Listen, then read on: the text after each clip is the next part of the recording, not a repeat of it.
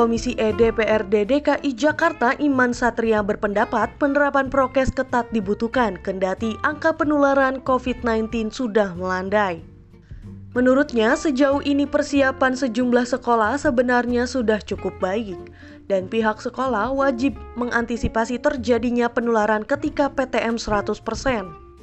Iman Satria pun menerangkan bukan tidak mungkin sekolah dapat ditutup kembali apabila terjadi penularan. Sesuai dengan surat edaran Menteri Pendidikan Kebudayaan Riset dan Teknologi nomor 3 tahun 2022 tentang penyesuaian pelaksanaan SKB 4 Menteri tentang panduan penyelenggaraan pembelajaran di masa pandemi COVID-19. Sementara itu, Kepala Dinas Pendidikan DKI Jakarta, Nah, Diana mengaku siap untuk melaksanakan PTM 100% dengan mengoptimalkan sarana dan prasarana pendidikan untuk prokes. Berita selanjutnya masih datang dari berita nasional. Kementerian Perhubungan memperkirakan aktivitas mudik akan meningkat tren mobilitas antar daerah. Survei Kemenhub memperkirakan ada 79 juta orang yang akan melakukan mudik lebaran. Sementara itu, juru bicara pemerintahan untuk penanganan COVID-19, Prof. Wiku Adhisa Smito, menjelaskan penyesuaian kebijakan mudik dalam surat edaran nomor 16 tahun 2022 tentang ketentuan perjalanan orang dalam negeri pada masa pandemi COVID-19. Berikut ini syarat untuk pemudik atau pelaku perjalanan yang bisa mudik tanpa testing. Yang pertama, telah vaksin booster. Bagi yang sudah vaksin booster, maka tidak berlaku untuk testing. Namun, bagi yang menerima vaksin dosis 2 tetap mensyaratkan tes antigen dengan sampel diambil dalam kurun waktu 1 kali 24 jam atau PCR 3 kali 24 jam. Khusus yang baru menerima dosis pertama tetap mensyaratkan PCR dalam kurun waktu 3 kali 24 jam. Yang kedua, random checking. Selain itu akan dilakukan random checking atau pemeriksaan acak persyaratan perjalanan.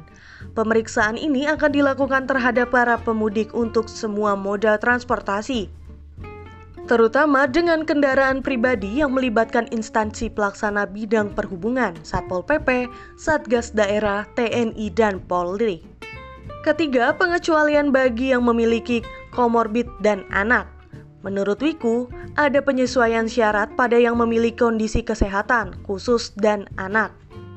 Bagi komorbid yang tidak dapat divaksin, maka diwajibkan tes PCR 3 kali 24 jam ditambah surat keterangan dokter dari rumah sakit.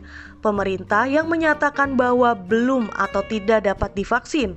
Sementara itu, untuk anak usia kurang dari 6 tahun tidak diberlakukan testing, namun wajib didampingi pendamping perjalanan yang sudah memenuhi syarat testing dan vaksinasi. Bagi anak berusia 6 hingga 17 tahun, mengikuti aturan vaksinasi dan testing pada umumnya. Berita selanjutnya datang dari berita internasional. Ukraina menuduh pasukan Rusia melakukan pembantaian di kota Bucha. Sementara itu, negara-negara barat pun geram melihat foto-foto mayat yang ada di sana dan berniat untuk memberikan sanksi baru untuk Moskow. Namun, foto-foto yang menunjukkan mayat-mayat di kota Bucha dikatakan oleh Kementerian Pertahanan Rusia sebagai provokasi Ukraina semata. Foto-foto tersebut telah memicu kemarahan di Ukraina dan di dunia internasional.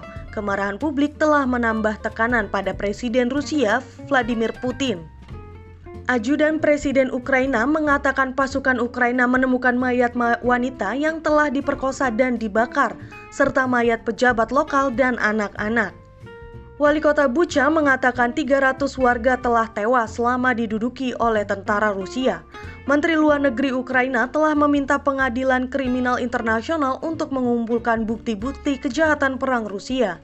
Namun, para ahli hukum mengatakan penuntutan terhadap Putin atau para pemimpin Rusia lainnya akan menghadapi rintangan tinggi dan bisa memakan waktu bertahun-tahun. Baik, itu dulu berita yang bisa saya sampaikan. Jangan lupa untuk selalu baca berita selengkapnya di holopis.com dan jangan lupa untuk selalu mematuhi protokol kesehatan. Saya Dara Ulia, pamit undur diri. Sampai jumpa. Holopis.com bersama untuk Indonesia. lagi di program Cabi di mana akan kami akan membacakan beberapa informasi yang telah tayang di holopis.com.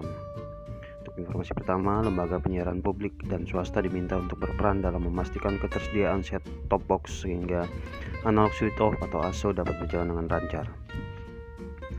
Pemerintah tersebut eh, permintaan tersebut disampaikan langsung oleh Menteri Komunikasi dan Informatika Joni G Plate dalam puncak peringatan ke-89 Har Harsiarnas tahun 2002, eh, 2022 di Bandung, Jawa Barat pada eh, 1 Maret 1 April maksud kami 2022.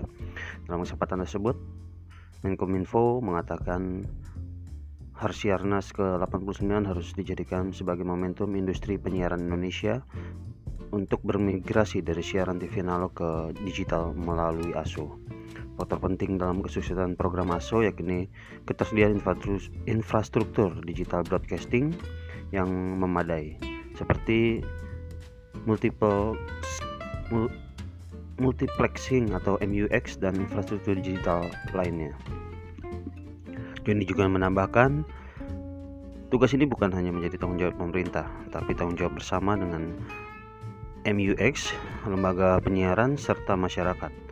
Joni pun meminta kepada tujuh uh, lembaga penyelenggara MUX agar segera memastikan infrastruktur tersebut untuk uh, tersedia dengan baik. Informasi ke selanjutnya, Kakor Lantas Polri Irjen Paul Firman Santi Budi mengklaim hasil dari penerapan tilang elektronik atau ETLE di beberapa wilayah berbuah hasil yang positif. Dari hasil analisa yang ada, Firman menyebut tilang elektronik membuat budaya kes keselamatan pengendara meningkat dalam beberapa hari terakhir. Firman juga menjelaskan Kakor Polri telah melakukan pen penindakan eh, pelanggaran ETLE di jalan tol sejak Jumat 1 April lalu. Selain budaya keselamatan yang meningkatkan yang meningkat, Etle juga efektif menekan angka pelanggaran batas muatan. Tak hanya itu, Firman juga menyebut angka pelanggaran batas kecepatan juga menurun. Misalnya seperti yang terjadi di Tol Polda Metro Jaya, Tol Trans Jawa, Jawa Tengah hingga Tol Trans Sumatera. Firman mengatakan implementasi ETLE di jalan tol menjadi suatu progres positif. Dia pun berharap titik-titik ETLE bakal secara masif diterapkan di lokasi lainnya. Demikian beberapa informasi yang dapat disampaikan bersama saya Ronald Petrus. Hobbies.com bersama untuk Indonesia.